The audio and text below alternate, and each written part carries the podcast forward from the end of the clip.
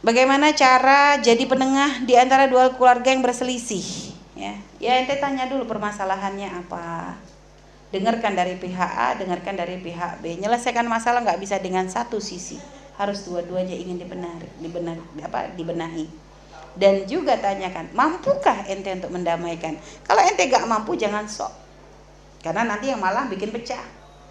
Jadi ente punya kemampuan tidak kira-kira memang ente termasuk orang yang punya bijak karena ada orang itu kadang kadang apa ya kayak bisa menyelesaikan padahal nggak menyelesaikan malah bikin masalah di atas masalah ada yang seperti itu makanya kalau ente ngerasa aduh perasaan anak kalau gini-gini nih malah nggak ahlinya Umi sendiri ada hal-hal kadang yang misalnya berkaitan masalah menyelesaikan permasalahan orang. Kalau Umi memang merasa gak sanggup, Umi gak bilang, Umi bilang gak sanggup, Umi larikan ke Buya.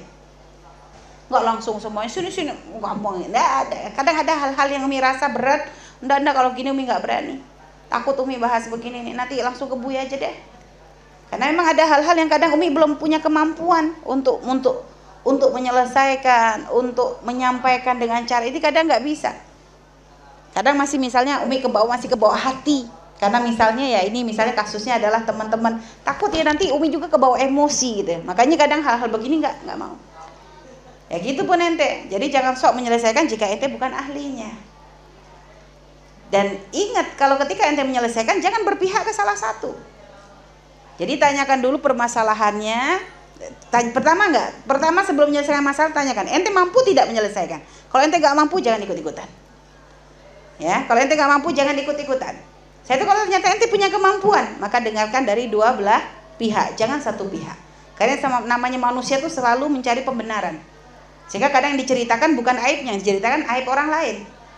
Setelah itu, kalau sudah ente tahu permasalahannya dari dua belah pihak, maka berlakulah adil, jangan memihak ke salah satu. Walaupun mungkin hatimu condong ke salah satu. Kamu lebih memang lebih demen ke yang sini, memang kamu ya ini temenmu, tapi tetap kamu harus berlaku adil. Jangan sampai nanti gara-gara ini temanmu kamu lebih akhirnya hukummu berubah. Itu. Jadi menyelesaikan tuh ada cara, ada ilmunya. Nah, itu ya. Baik, Allah alam bisawab.